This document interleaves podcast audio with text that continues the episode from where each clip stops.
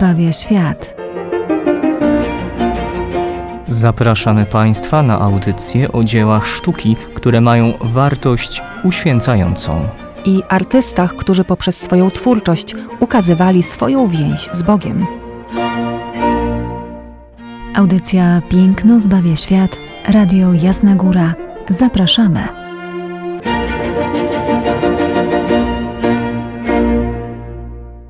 Witamy Was gorąco w kolejnej audycji Piękno zbawia świat. Ojciec Tomasz Mordziałek i Izabela Banaszewska. Dzisiaj udajemy się z Wami na wyspę, niebezludną wyspę, której znajdowali się benedyktyni i gdzie postanowili zbudować klasztor. E, wyspa niezwykła, ja jako zakonnik patrząc na nią jeszcze przez chociażby e, Google Maps, no naprawdę niezwykłe miejsce, bo dostać się do niego można tylko i wyłącznie e, za pomocą no, łódki. No wtedy powiedzmy żadnych wehikułów powietrznych by nie mieli, żeby móc się dostać na tą wyspę. A właśnie tam się udajemy by nie tyle spoglądać na korytarze klasztoru uczniów i synów świętego Benedykta, lecz by przyjrzeć się niezwykłej bazylice San Giorgio Maggiore. Przepięknie, malowniczo położony kościół San Giorgio Maggiore znajduje się na wyspie o tej samej nazwie. To wyspa z Wenecją powiązana, i rzeczywiście z rejonu stałego lądu można się e, dostać do niej jedynie tramwajem wodnym, gondolą czy jakąkolwiek inną formą, chociażby motorówką. Przepiękny kościół, malowniczy kościół. Jak zatem doszło do jego e, stworzenia? Przede wszystkim mamy tutaj do czynienia z niezwykłym i znów bardzo zdolnym teoretykiem architektury, XVI-wiecznym e, tym razem, Andreą Palladio. Andrea Palladia to architekt, który prawie całe swoje życie związał z niewielką miejscowością w rejonie Veneto, z Wiczęcą. Jeśli Państwo podróżują przez północne Włochy, warto Wiczęcę wciągnąć na plan swojej podróży, bo tam znajduje się właśnie większość e, budowli tego niezwykłego architekta. Naprawdę można powiedzieć, że o ile e, określenie dla malarzy, że ktoś jest malarzem światło-cieniowym, jest bardzo właściwe i wcale nas e, nie dziwi. O tyle Andrea Palladio jest architektem światłocieniowym. To naprawdę niesamowity człowiek, który wykorzystywał światło w fasadach swoich budowli. No, nie zobaczymy tego aż tak dobrze, aż tak dokładnie w fasadzie kościoła San Giorgio Maggiore w Wenecji, ale jak już wspomniałam, jeśli znajdą się Państwo w okolicach Wiczęcy, to tam jego bazylika, która jest tak naprawdę ratuszem miejskim, ma niezwykłą światłocieniową fasadę z każdej ze stron. A zatem e, mam nadzieję, że już zainteresowałam tym przeciekawym architektem, który zaliczany jest do grona manierystów. Mm, architekt, tak jak już mówiłam, działający w rejonie Veneto, jest tak naprawdę najbardziej słynnym architektem XVI wieku, tworzącym swoje prace poza Rzymem. Rzymscy architekci, to my już ich znamy, poznaliśmy od Vignoli, później będzie to Bernini, no i e, Borromini, to już grupa architektów barokowych. Tutaj jesteśmy na przełomie pomiędzy późnym renesansem a barokiem. Wspominaliśmy o tym niejednokrotnie, że dla artystów, zresztą przypominaliśmy o tym także przy, także omawiając Albertiego, jego pracę. Dla artystów renesansowych niezwykłą trudnością było przejście od typu bazyliki, który, jak pamiętamy, wywodzi się z czasów starożytnych i dotyczył budowli po prostu niechrześcijańskiej, do chrześcijańskiej fasady. Świetnie radziły sobie z tym kościoły romańskie i gotyckie, na przykład we Francji, ponieważ tam kościoły pieły się w górę, a tym samym przeróżne pinakle, wimpergi, na już najbardziej oczywiście przypory, zasłaniały to, co działo się z dachami. Czyli e, zasłaniały te elementy architektury, które były najmniej efektowne. Natomiast średniowiecze we Włoszech, jak wiemy, było nieco inne niż we Francji. Kościoły nie były aż tak e, wysokie, natomiast były szerokie. I tutaj architekci wychodzili z tego trudnego połączenia podłużnej, bazylikalnej formy właśnie z jakimś zakończeniem fasady zachodniej, radzili sobie w taki dosyć niecodzienny sposób, a to dołączyli lodgie, jak na przykład kościoły w Pizie y, czy też y, lodzię kolumnową oczywiście, czy też jakiś fragment atrium, jak na przykład y, kościoły w Rawennie. Więc wychodzono z tego trudnego problemu, markując niejako, przechodząc od formy do formy, czyli na przykład od tej prostokątnej formy bazylikalnej do formy szerszej, bo pamiętamy, że każda bazylika musiała mieć e, dłuższą i wyższą nawę główną i dwie, co najmniej dwie niższe nawy poprzeczne. W związku z czym ten problem odkrytych dachów no, pojawiał się rzeczywiście od czasów średniowiecza i był problemem nierozstrzygniętym. Wspominaliśmy o tym przy Albertim, że on do średniowiecznego kościoła Santa Maria Novella dobudowuje właśnie fasadę, którą dzieli na dwie części. Część górna to trójkąt, a część dolna to prostokąt. Pomiędzy tymi dwoma częściami spływy wolutowe, e, które są na razie tylko potraktowane jako parawany ułożone z mozaiki. Tutaj Palladio zaproponuje nam coś zupełnie innego. I żeby już dalej nie przeciągać, spójrzmy może na ten nasz przepiękny kościół. Oczywiście wchodzimy do kościoła, no, ale zanim ostatecznie będziemy w wnętrzu, no to musimy przejść przez fasadę. Może jeszcze dotykając kościoła, to nie jest pierwszy kościół, który tam zaistniał i został wybudowany, gdyż benedyktyni pojawili się tam już w XVIII wieku i tam e, pierwszy kościół dla ich wspólnoty został stworzony później z powodu trzęsienia ziemi, a to będzie już, e, jak dobrze kojarzę, XIII wiek. Niestety został zniszczony. Później gdzieś kolejne perypetie e, w czasie doprowadziły e, zakon do tego, żeby kościół właśnie powierzyć temu wybitnemu architektowi Andreo di Pietro della Gondola, czyli Andreo Palladio kościół, który został przez niego stworzony, też jest troszeczkę inaczej e, usytuowany niż był e, poprzedni.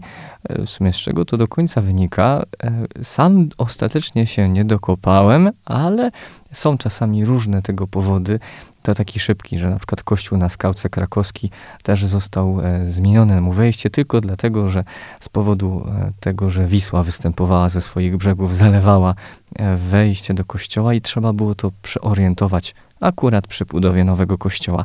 Tu jaka by była przyczyna? Nie wiem, może pani redaktor oświeci mnie akurat w tejże materii, która trapi mój umysł. Ale dobrze, wracamy do fasady. Znakomicie e, biała, piękna e, fasada kościoła. E, co na niej się znajduje? Jakie rozwiązania Palladio, jakie adaptacje dokonał w tym froncie świątyni San Giorgio Maggiore? Kiedy spoglądamy na fasadę, to widzimy, że nawa główna jest ujęta jako bardzo wysoka i wąska część główna, którą przytrzymują cztery ogromne kolumny. I na tych e, czterech kolumnach spoczywa niewielki trójkątny przyczółek. Dodatkowo jeszcze cały ten przyczółek jest obwiedziony gzymsem.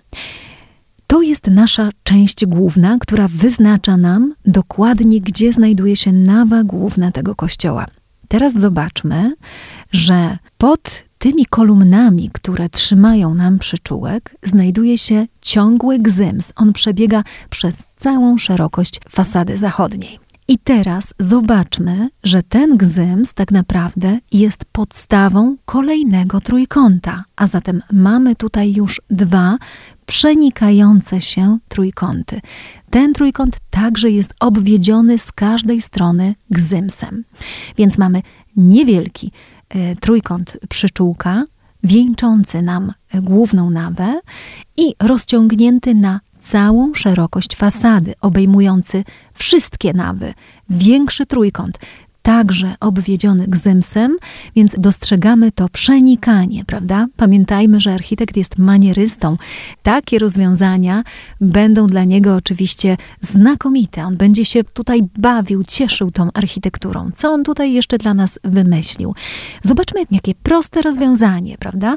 Poprzez posadowienie ogromnego trójkąta, który nas nie dziwi, prawda? Na gzymsie, zasłania w ten sposób dachy, to jest to, o czym mówiłam. On wychodzi tutaj z takim prześwietnym rozwiązaniem. Nie ma spływów wolutowych, jak będziemy je widzieć w baroku, ale właśnie jest to dla nas rozwiązanie niezwykle intuicyjnie. Widzimy ten trójkąt, pod właśnie kolumnami, a dodatkowo jeszcze nad kolumnami wieńczy go drugi trójkącik, więc przenikające się trójkąty. Można powiedzieć oczywiście, że znów, tak jak w przypadku Santa Maria Novella na przykład, fasada jest oparta tak naprawdę o kwadrat, bo jeśli wpiszemy całą tę fasadę w kwadrat, to wtedy dolna jej część od gzymsu w dół. To ta sama wysokość, co od gzymsu do przyczółka, czyli do szczytu najmniejszego trójkąta. Wpisuje nam e, fantastycznie architekt fasadę w figurę doskonałą geometrycznie, czyli oczywiście w kwadrat.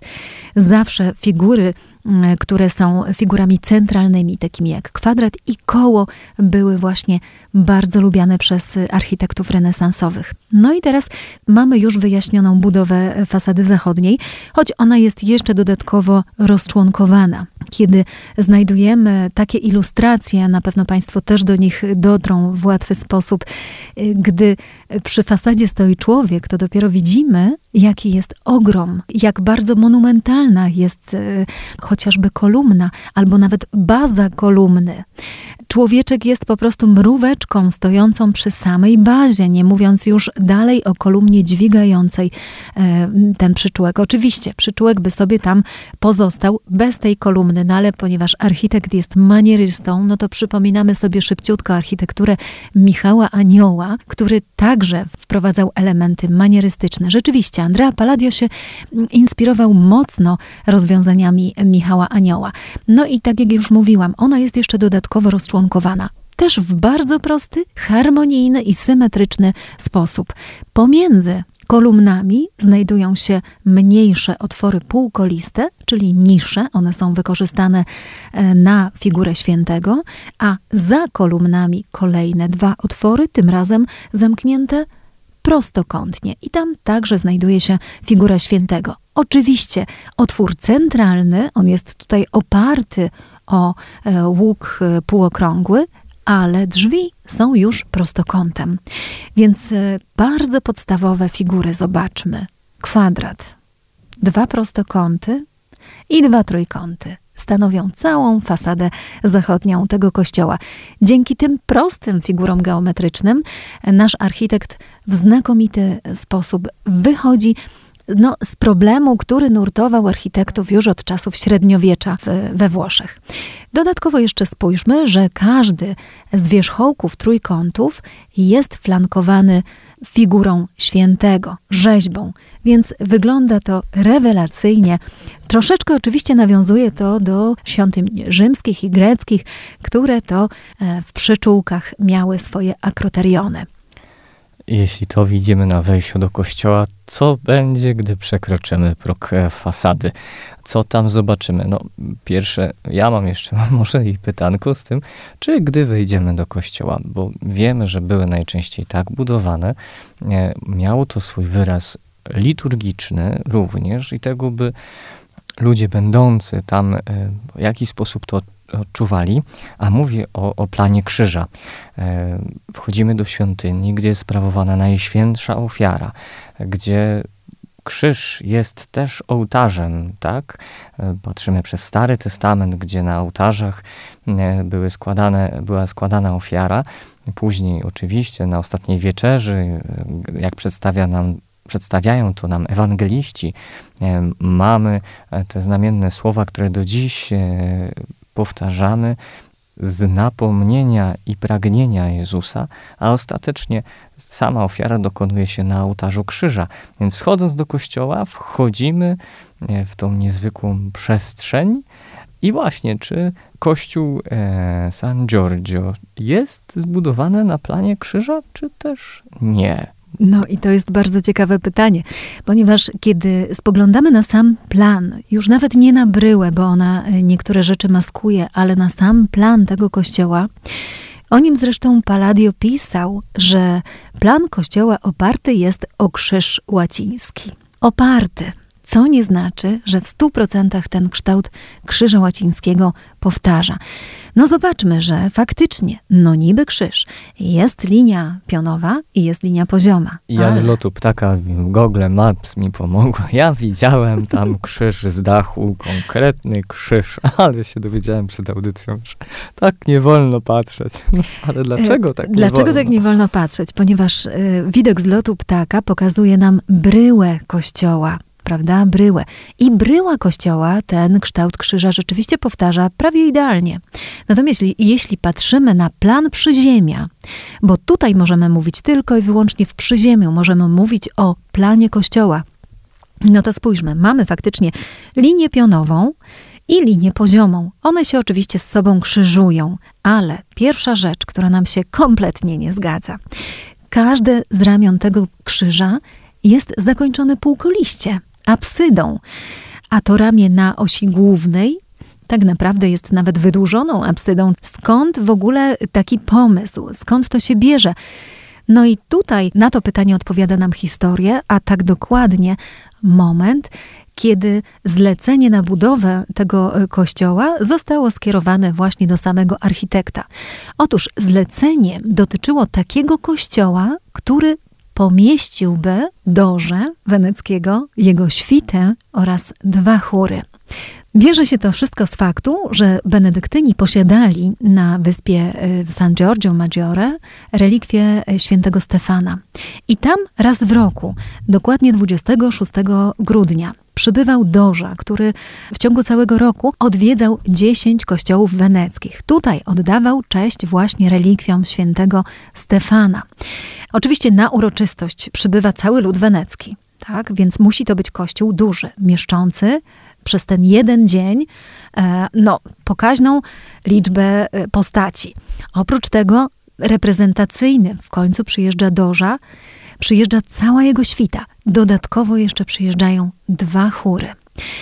No i teraz, drodzy Państwo, musimy się na chwileczkę zatrzymać przy tych chórach. Otóż w XVI wieku Wenecja, jak mówią nam źródła historyczne, posiadała najlepszy chór na świecie.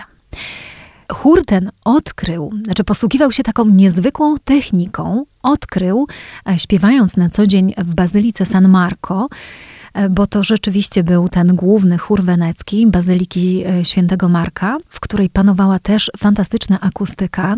Chór ten odkrył, że dzieląc się na części i wykorzystując pogłos panujący w bazylice, osiągnie niezwykłe efekty akustyczne przenikających się głosów.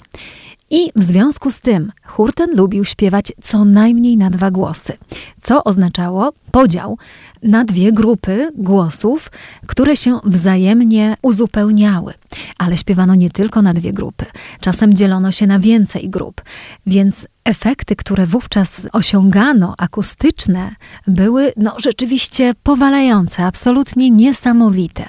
Stąd jeśli Doża peregrynował po tych kościołach weneckich, no to naturalną rzeczą było, że śpiewał dla niego nie tylko chór na wyspie San Giorgio benedyktynów, ale także przyjeżdżał najlepszy chór na świecie, czyli chór Bazyliki e, Świętego Marka. I teraz, drodzy Państwo, jak to wszystko połączyć? Jak stworzyć kościół, który będzie oddawał te efekty akustyczne? Pamiętajmy, że jest to koniec renesansu, tak? No, mówimy o architekcie wszakże manierystycznym. I jeszcze do końca architekci nie rozpoznali tych wszystkich zalet, jakie niosło z sobą sklepienie kolebkowe. To dopiero wszystko przed nami. A więc co się tutaj dzieje i dlaczego ten plan tak bardzo dziwnie wygląda? Przede wszystkim zaznaczmy, że jeżeli ujednolicimy wnętrze kościelne, otwierając y, bardzo mocno transept na nawę główną, czyli mamy szeroki transept, i jeśli zamkniemy go półkoliście, dodatkowo jeszcze wydłużymy prezbiterium i je także zamkniemy półkoliście, to głos będzie się zupełnie inaczej rozchodził niż takie tradycyjne zamknięcie y, prostą ścianą. To jest właśnie odkrycie Andrea Palladia i teraz uwaga, zobaczmy, że on bardzo wyciąga nam prezbiterium. Zacznijmy może najpierw od tego, że korpus główny to są trzy przęsła oparte na bardzo dużych filarach, dodatkowo jeszcze jak zajrzymy do wnętrza kościoła, obudowanych dodatkowymi pilastrami i półkolumnami. To oczywiście nie było takie potrzebne, ale stanowiło element dekoracyjny, mówię o pilastrach i półkolumnach. Natomiast te solidne podstawy, każde przęsło sklepione oddzielnie, opierało się właśnie na ogromnych filarach dochodzimy do miejsca, gdzie krzyżuje nam się transept z nawą główną i widzimy, że te podpory są dwa razy większe, jeszcze większe. Dźwigają u góry kopułę, która nam doświetla to wnętrze.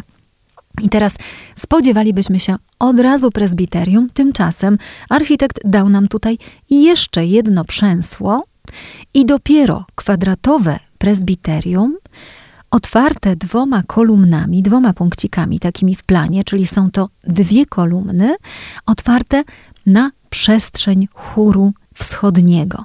I tutaj mamy właśnie doświetlony chór, bardzo mocno wydłużony, stąd ta nasza przedłużona apsyda. Mówimy, że zamknięty konchą. No właśnie, dlatego też w tym ogromnym prezbiterium mogły się pomieścić te grupy chórzystów śpiewających właśnie w ten jeden dzień w roku 26 grudnia dla Doży, no i oczywiście na uroczystości e, świętego Stefana.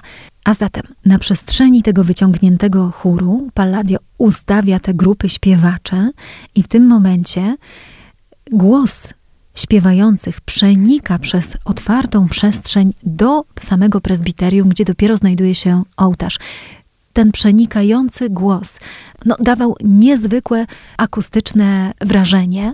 Stąd też w tradycji od tego dokładnie momentu, czyli od XVI wieku, narodziła się tradycja rozpisywania utworów na kilka chórów śpiewających razem i osobno. Wcześniej takiej tradycji nie było. To jest bardzo ciekawe i to jest właśnie ten wynalazek wenecki. Nie wszyscy o tym wiedzą, natomiast właśnie e, akustyka kościoła San Marco e, w Wenecji dawała takie możliwości.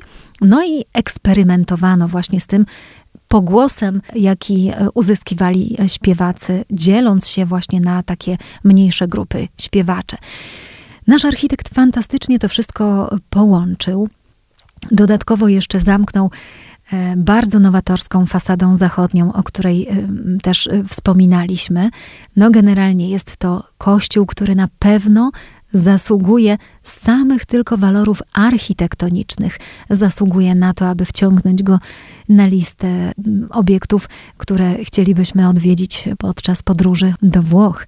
A dodatkowo jeszcze, o czym już tutaj dzisiaj nie powiemy za dużo, ale dodatkowo jeszcze e, fantastyczne ma e, wyposażenie wnętrza, jakie stanowią no, dzieła sztuki najwyższej półki. Chociażby duże obrazy Tintoretto, no i nie tylko, nawet e, zobaczenia samego ołtarza głównego, który jest e, pięknym przedstawieniem Trójcy Świętej. E, naprawdę, no, ja pierwszy, pierwszy raz się z nim spotkałem, ale jeszcze o wiele więcej na pewno można zobaczyć, bo to też niektóre boczne ołtarze, które były też powierzone poszczególnym rodzinom z Wenecji, które opiekowały się nimi i swoje fundacje, że te, tak się wyrażę, tam tworzyły, ale nie wszystkie, bo benedyktyni też chcieli mieć w kościele, który do nich należał, jakąś e, tą, nazwijmy to, władzę estetyczną, żeby nie, nie zagarnęli wszystko Wenecjanie dla siebie. Dlatego też e, San Giorgio Maggiore jest jak najbardziej do zobaczenia i wpisania na liście e, tego. Jeśli będziecie w Wenecji, warto wydać pieniądze na gondolę, żeby czy tą taksówkę wodną, by tam was zabrała. No i oczywiście można także zobaczyć bliźniaczy kościół, także autorstwa y, Palladia Il Redentore, który również znajduje się na wyspie. Do niego także warto podpłynąć i zobaczyć tym razem trzy przenikające się przyczółki w fasadzie zachodniej tego kościoła. Też niezwykle ciekawy i oparty właśnie o te same, bardzo proste, ale w taki niezwykły, światłocieniowy sposób wykorzystane formy architektoniczne. Żegnamy się już z Wami w audycji Piękno zbawia świat, a pożegnam się z Wami e, pięknie i tak malowniczo, e, patrząc na całość e, bryły architektonicznego cuda, które mamy od Andreo Palladio. Odsyłam Was do San Giorgio Maggiore w Zmierzchu, Claude Moneta, który dodaje też na pewno uroku całości, no i można się rozmarzyć i zamarzyć, by to miejsce, jak już wcześniej wspomnieliśmy, odwiedzić. Dziękujemy dziś Państwu za uwagę i mówimy do, do usłyszenia. usłyszenia.